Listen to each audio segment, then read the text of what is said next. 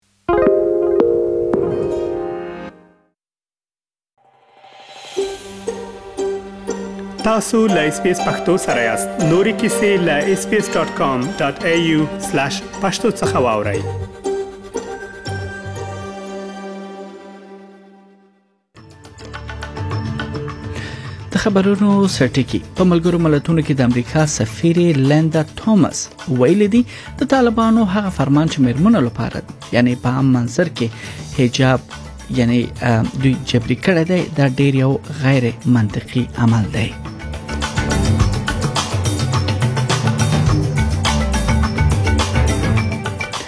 د استرالیا د شمالي سیمې مشر وزیر په توګه هغه خپل استعفا اعلان کړې ده د لیبر ګوند مشرتابه به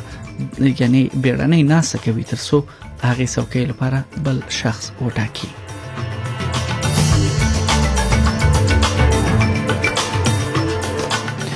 پاکستان لومړی وزیر شهباز شریف وایي چې عمران خان په پا پاکستان کې کورنۍ جګړې ته لمن وهي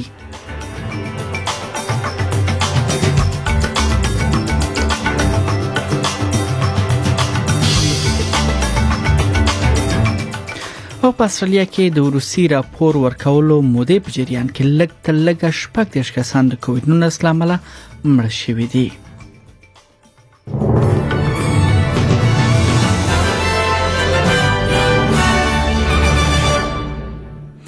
دا هم بشپړ خبرونه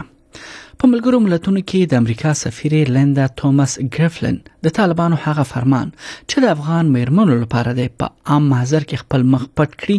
غیر منطقي بللی دی د طالبانو مشر حبت الله اخونزاده وایي که خزه په افغانستان کې له کوره بهر خپل مخ پټ نکړي نو د هغې پلار یا نګدې نارینه خپلوان به زندان ته ولاړ شي او یا لدندې ګوښه شي اغله توماس ګرفلن سینن ته ویل دي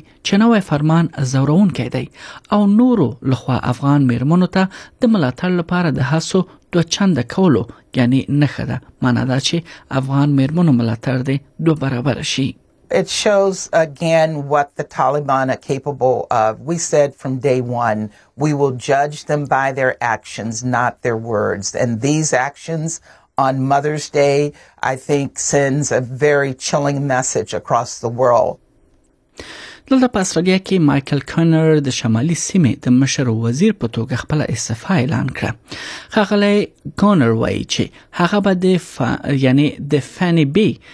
لپاره پارلمان کې د اساس په توګه پاتې شي مګر د وزیر په توګه به خپل دندې لری شي هغه د دې پریکړې د کورنۍ دلایل په اړه وویل چې د کورنۍ د دویم ماشوم زیګون د ثابت کړه چې زړې نور په کار کې نه لګيږي بلکې په کور کې دی نو ځکه استعفا ورکوي The birth of our second child the week before last confirmed something for me. My head and my heart are no longer here. They are at home. I've grappled with this decision for some weeks. The welcoming little Nash into the world sealed the deal. There is never a perfect time to step back, to walk away, to give others a go. But for me, For my family, this feels like the right time. د جمعې په ورځ به د لیبر ګوند مشرتابه ناسته وکړي تر څو د څوکۍ لپاره یو نوی کس وټاکي بل په استرالیا کې د روسي راپور ورکولو مودې په جریان کې لږ تر لږه شپږ دیش کسان د کووډ 19 څخه دوی مړ شوي دي په نیو ساوث ولز کې ولس کسان مړ شوي دي او د کووډ 19 لزر او 321 نوې پیښې ثبت شوي بیا په وکټوریا کې اتلس کسان مړ شوي دي او هلته 12222 نوې پیښې شتون لري او په تازمانیا کې یو کس مړ او یو زرو یویش نوې پیښې ول بل خو د نورو ایالتونو او سیمو رپورټونه لا نه دي ترلاسه شوي پاینه وخت کې نږدې 10 میلیونه استرالیان لویان اوس کوینونس پر وړاندې په بشپړ ډول واکسین شوي دي د فدرالي حکومت د کووید عملیاتو پروګرام شیډ لمخه 19.9 میلیونه خلک یا استرالیان په بشپړ ډول واکسین شوي دي چې 15 سلنه خلک چې عمرونه 14 یا ډیر دي دا جوړوي نګدې بیا 13.5 میلیونه خلکو د بوستر شارټ ترلاسه کړی دی چې د وړ کسانو نفوس یعنی نګدې 90 سلنه جوړوي بل خبر هم د ټاکنیز کمپاین دوران په اړه دی دا چې د استرالیا استرالیان به د مې میاشتې په 21مه نیټه ټاکنو صندوقونو ته ورځي ترڅو نوې حکومت وټاکي لمړی وزیر د وارنګا سیمې نوماندې کاترین ډیوس تر څنګ ولاړ دی وروسته له هغه چې هغه د بخښنې غوښتنه بیرته واخیستله او ویل چې هغه ترانسجندران خلک چې د جندر تزیق کولو جراحي څخه تیر شوی وو په جراحي ډول یعنی دوی مات شوی دي او نسل شوی دي د لیبرال ګوند نوماند باندې فشارونه له هغه وخت وروسته ډیر شوي دي چې نوموړی هم جنسبازانو خلاف یې څرګندونه کړې دي او پر پر لیبرال ګوند باندې بیا فشار ډیر شوی دی ترڅو له هغې د نوماندۍ واخلي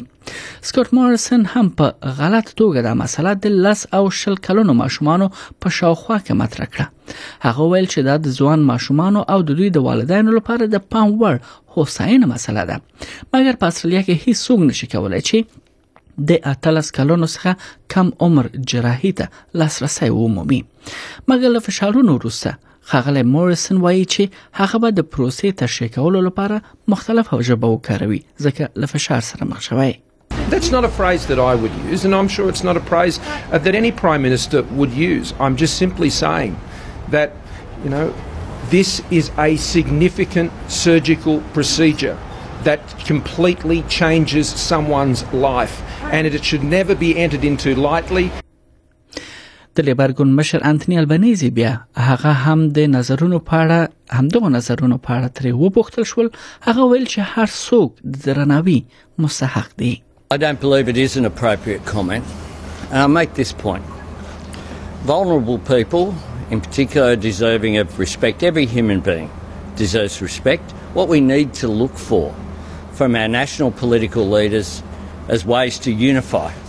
the country and bring people together,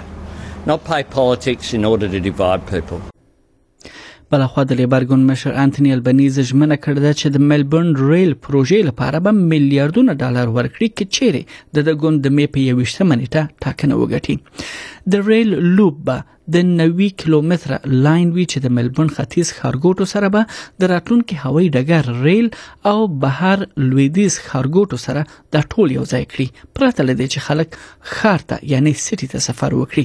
د لیبرګون مشر وای د ریل پروژه د ملت جوړونه پروژه ده You get advice from any transport economist and you look at the way that cities work Infrastructure Australia and the Major Cities Unit that I established that this government abolished the Major Cities Unit. One of the works that they did was that you need to prioritise urban public transport and you need to fix the way that they operate.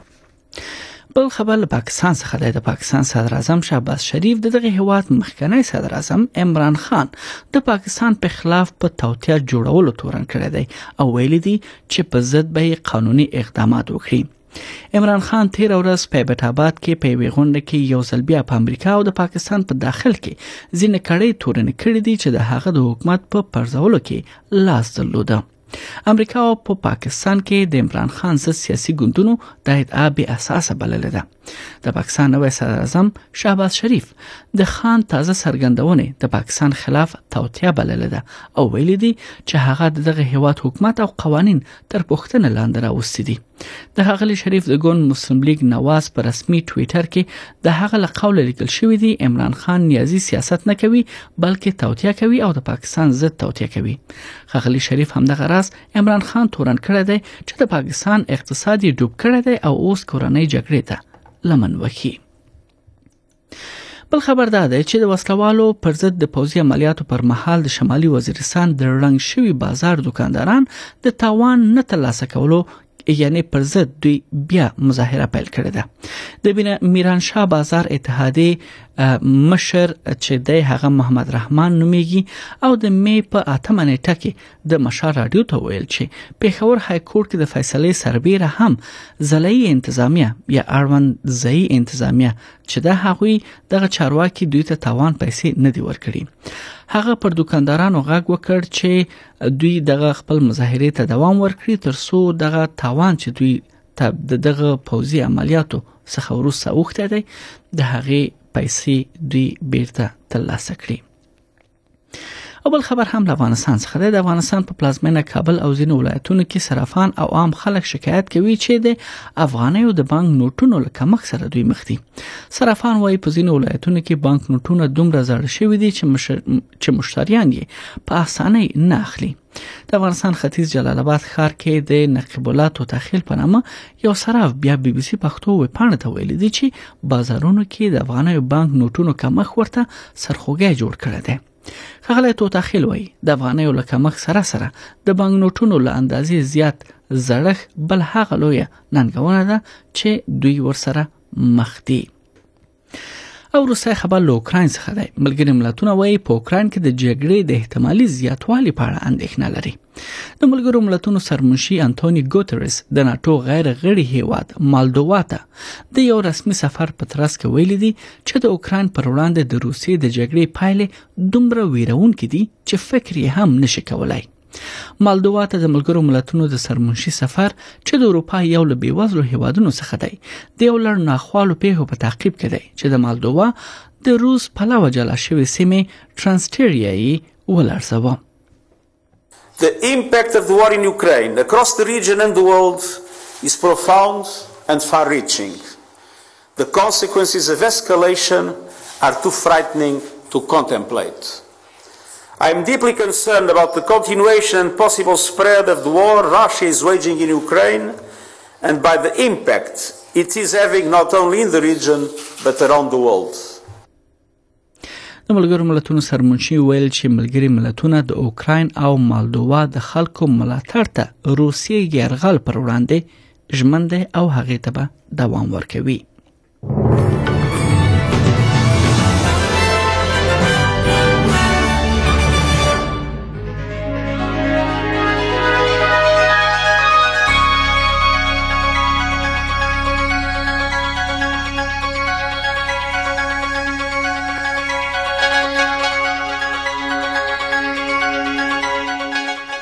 د هم د استرالی ډالرو پر وړاندې د زینو بهرنۍ اسعارو بیه په نړیوالو مارکیټونو کې یو استرالی ډالر 0.98 امریکایي ډالر یو استرالی ډالر 0.15 ایرو او هم 950.89 افغاني روپی ارزښت لري یو اصلي ډالر یو سلو دیرش اشاریه پنځه نوي پاکستاني روپی 350.18 هندۍ روپی یو اصلي ډالر 2.55 اماراتي درهم او هم 0.55 انګلیسي پنسه ارزښت لري د هم د استرالیا د زونو خارونو نن لپاره د تودوخه تر ټولو لوړ درجه هغه هم د سانتیګریډ په کچه سیدنی کې هوا باراني ده درویش په ملبورن کې هوا لمریزه ده 19 په برزبن کې هوا باراني ده 22 په پرت کې هوا باراني البته په پرت کې هوا لمریزه ده سلیریش په اډلېټ کې هوا لمریزه شل په هوبرټ کې هوا لمریزه اتلس په کمبيرا کې د باران اټکل دی ولس او په اخر کې داروین هلته هوا لمریزه ده